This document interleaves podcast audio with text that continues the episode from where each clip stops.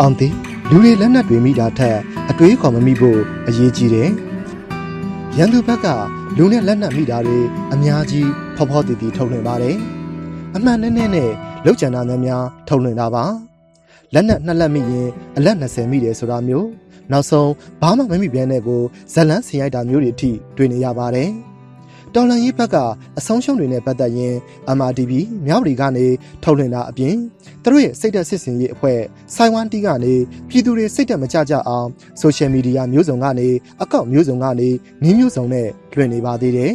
။လူတွေလက်နက်တွေမိတာကိုအသားပြီးဖော်ပြနေတဲ့ရည်ရွယ်ချက်ကရှင်းရှင်းလေးပါ။လက်နက်ကန်တော်လန်ရေးမှာဆက်လက်မပါဝင်ကြဘူး။ထောက်ခံအားပေးတာမျိုးမလုပ်ကြဘူး။စိတ်သက်စစ်စင်ရေးလုပ်တာပါ။ ဒီလောက်တောင်လူနဲ့လက်နက်တွေမိနေမှတော့ဒီတော်လန်ကြီးကနိုင်မှာလည်းမဟုတ်ဘူးကွာဆိုတဲ့အထိစိတ်ဓာတ်တွေကြောက်ကုန်အောင်စိုက်ဝါးလုပ်နေတယ်ဆိုတာရှင်းပါတယ်တကယ်လည်းထိရောက်တာတွေရှိပါတယ်တချို့ဆို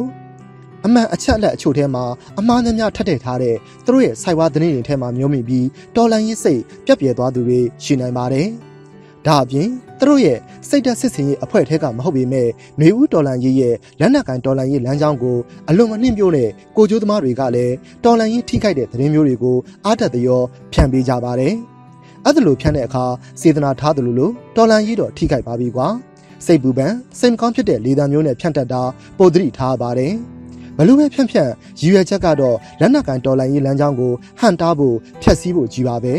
။သူ့လူကိုဘတ်သားဖြစ်မှန်းမသိဖြစ်နေတဲ့ တော်လန်ရေးကိုထိခိုက်စေတဲ့သတင်းမျိုးတွေအသားပြေးဖြန့်တဲ့သူတွေကိုပြန်ကြည့်ရင်တော်လန်ရေးကိုအားတက်စေမဲ့သတင်းအမှန်မျိုးတွေဆိုရင်ယူသူလိုကြောင်သူလိုလိုနဲ့ဘယ်တော့မှမဖြတ်နာတတိထားမိပါတယ်ဒေါ်လန်ရေးသမိုင်းတွေကလူတွေလက်နက်တွေမိတဲ့အကြောင်းဒေါ်လန်ရေးထဲမှာထိခိုက်နေတာဆုံးရှုံးမှုဆိုတာအများကြီးဖြစ်တတ်ပါတယ်လူနဲ့လက်နက်မိယုံနေမကတက်တက်တက်လုံးပြုတ်သွားတာ ဒေါ်လာရင်းနဲ့အတူတိုက်ယူထားတဲ့တိဆောက်ထားရတဲ့လွတ်မြောက်နေမြေတွေလက်လွတ်လိုက်ရတာစသဖြင့်ဆုံးရှုံးမှုမျိုးစုံရှိပါတယ်။1948ခုနှစ်ကနေဒီနေ့အထိဆင်နွှဲနေတဲ့မြန်မာနိုင်ငံရဲ့လက်နက်ကိုင်တော်လှန်ရေးသမိုင်းမှာလည်းတော်လှန်ရေးအဖွဲ့အစည်းတွေဟာဆုံးရှုံးမှုမျိုးစုံကြုံခဲ့ကြပူပါတယ်။နိုင်ငံတကာတော်လှန်ရေးမှာလည်းဒီလိုပဲကြုံတွေ့ကြပါတယ်။အဲ့ဒီအထက်ကအလွန်အတူယူစရာကောင်းတဲ့ကျူးဘာလက်နက်ကင်တော်လှန်ရေးထက်ကတော်လှန်ရေးအတွေးခေါ်ကိုထင်ဟပ်တဲ့အကြောင်းတွေကိုပြောပြခြင်းပါတယ်။ ကျူးဘာဒေါ်လာရေးအကြောင်းကအများစုရင်းနှီးပြီးသားပါဖီဒယ်ကက်စတိုနဲ့ရော့ကက်စတိုညီကိုနှစ်ယောက်ဟာ1952ခုနှစ်မှာအာနာရှင်အစိုးရကိုတော်လှန်ဖို့ The Movement ဆိုတဲ့အရက်သားစစ်တပ်ကိုဖွဲ့စည်းတယ်။လက်နက်တွေစုတယ်။လူအင်အားစုတာ1200လောက်ရတယ်။1953ခုနှစ်ဇူလိုင်လ26ရက်နေ့မှာအာနာရှင်ဘတ်တစ်စတာအစိုးရကိုလက်နက်ကင်ပြီးစတိုက်ပါတယ်။တိုက်ပွဲစပြီးတနင်္လာလောက်မှာပဲကက်စတိုတို့ဒေါ်လာရေးတပ်သား9ယောက်ကြာရှုံးပါတယ်။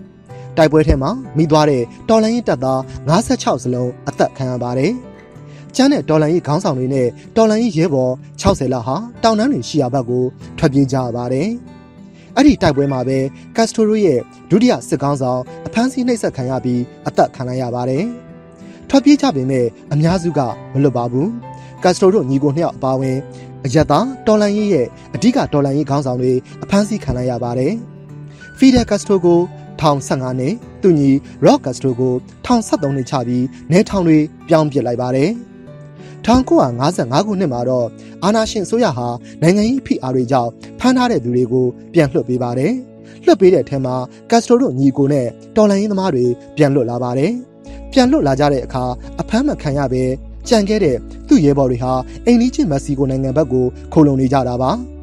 ။ကက်စတိုရိုတွေဟာသူတို့ရဲ့ရဲဘော်တွေနဲ့ပြန်ချိတ် မက္ဆီကိုဘက်ကိုကူးပြီးစစ်ပညာသင်စစ်ရေးလေ့ကျင့်ကြပါတယ်။အဲ့ဒီကာလအတွင်းမှာအာနက်စတိုခြေခွေဗာရာနဲ့တွေ့ဆုံပြီးခြေလဲကက်စတိုတို့အဖွဲ့ထဲပါလာတာပါ။အဲ့ဒီနောက်ကက်စတိုတို့ဟာ1956နိုဝင်ဘာလ25ရက်နေ့မှာရွက်လီနဲ့မက္ဆီကိုကနေကျူးဘားကိုပြန်လာပြီးလက်နက်ကင်ဒေါ်လာရေးကိုဆက်လက်ဆင်နွှဲခဲ့ကြပါတယ်။1959ဇန်နဝါရီ၁ရက်နေ့မှာ ကျူးဘားအာနာရှင်ဘတ်တစ်စတာအစိုးရကိုအပီးတိုင်ဖြိုချပြီးလက်နက်ခံတော်လှန်ရေးအောင်ပွဲခံနိုင်ခဲ့ပါတယ်။ကျူးဘားတော်လှန်ရေးကပေးတဲ့သင်ခန်းစာ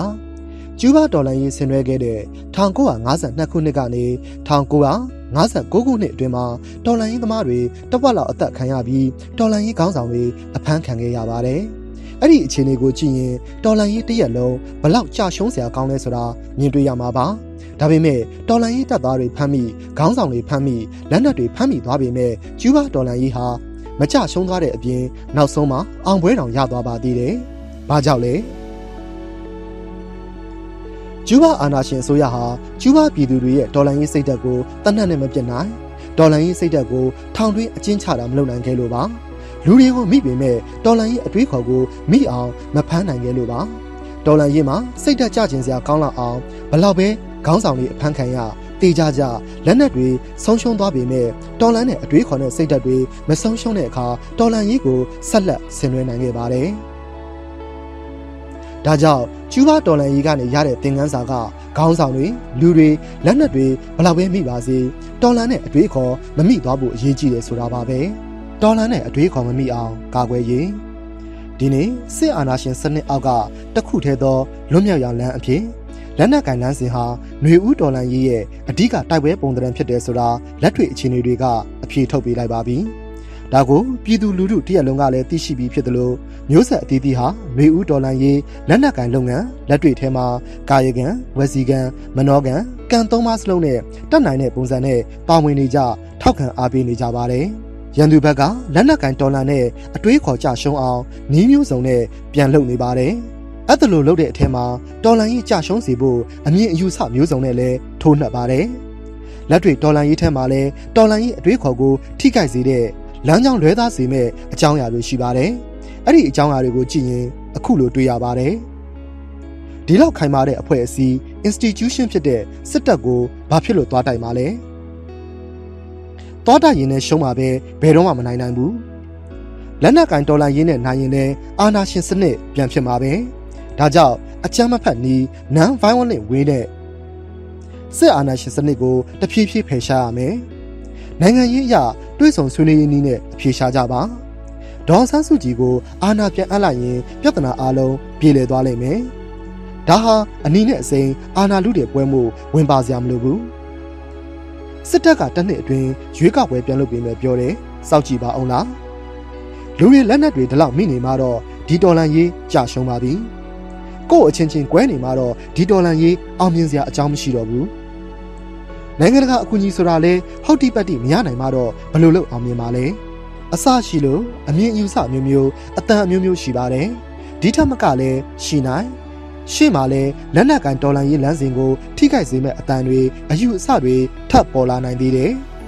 ပေါ်လာတဲ့အမြင်အယူဆအတန်တွေကိုစမ်းစစ်ရမှာကဒီအယူဆ ဒီအတန်တွေဟာစစ်အာဏာရှင်စနစ်အောက်ကတခုတည်းသောလွတ်မြောက်လမ်းဖြစ်တဲ့လက်နက်ကင်တော်လှန်ရေးလမ်းစဉ်ကိုအနောက်အရှက်အဟန့်တားဖြစ်စေသလားလမ်းကြောင်းလွဲသားစေသလားဆိုတာပါပဲအဲ့လိုအဟန့်တားဖြစ်စေမဲ့လမ်းကြောင်းလွဲသွားစေမဲ့အမြင်အယူဆအတန်တွေဟာတော်လှန်တဲ့အတွေးခေါ်ကိုအမိဖမ်းမှုစ조사နေတာလို့သိမြင်ဖို့လိုပါတယ်ကျူးဘာတော်လှန်ရေးကရတဲ့သင်ခန်းစာမြမပြည်ရင်းစစ်တလျှောက်လုံးရက်တည်နေခဲ့ကြတဲ့ တော်လန်ရေးလက်နက်ကိုင်အင်အားစုရဲ့တမိုင်းအတွေ့အကြုံရလူတွေလက်နက်တွေဘလောက်ပဲဆုံးရှုံးပါစေတော်လန်ရေးကကြာရှုံးသွားတယ်ဆိုတာမရှိပါဘူးတော်လန်နဲ့အတွေးခေါ်လမ်းချော်သွားမှသာတော်လန်ကြီးကကြာရှုံးနိုင်တာပါတကယ်တော့လူသမိုင်းဖြစ်ပေါ်တိုးတက်မှုသဘောတရားအရကြည့်ရင်တော်လန်ကြီးဆိုတာဘယ်တော့မှကြာရှုံးနေဆိုတာမရှိပါဘူးတီးခြားပြောရမှာမို့ဒီမှာအကျယ်ချက်မပြောတော့ပါဘူးဒေါ်လာနဲ့အတွေးခေါ်ရှင်သန်နေသမျှ လူတွေလက်နက်တွေဆိုတာထပ်ထပ်ပေါ်လာပါလိမ့်မယ်အပင်ပြန်ပေါက်လာပါလိမ့်မယ်ဒါကြောင့်အရေးကြီးတာကတော်လန်တဲ့အတွေးခေါ်ကို ထိခိုက်စေမဲ့အမြင်အယူဆအတန်တွေကိုသတိထားခုခံကာကွယ်ဆန့်ကျင်ကြဖို့သာလိုအပ်ကြောင်းပါအောင်သစ်9ရက်9လ2021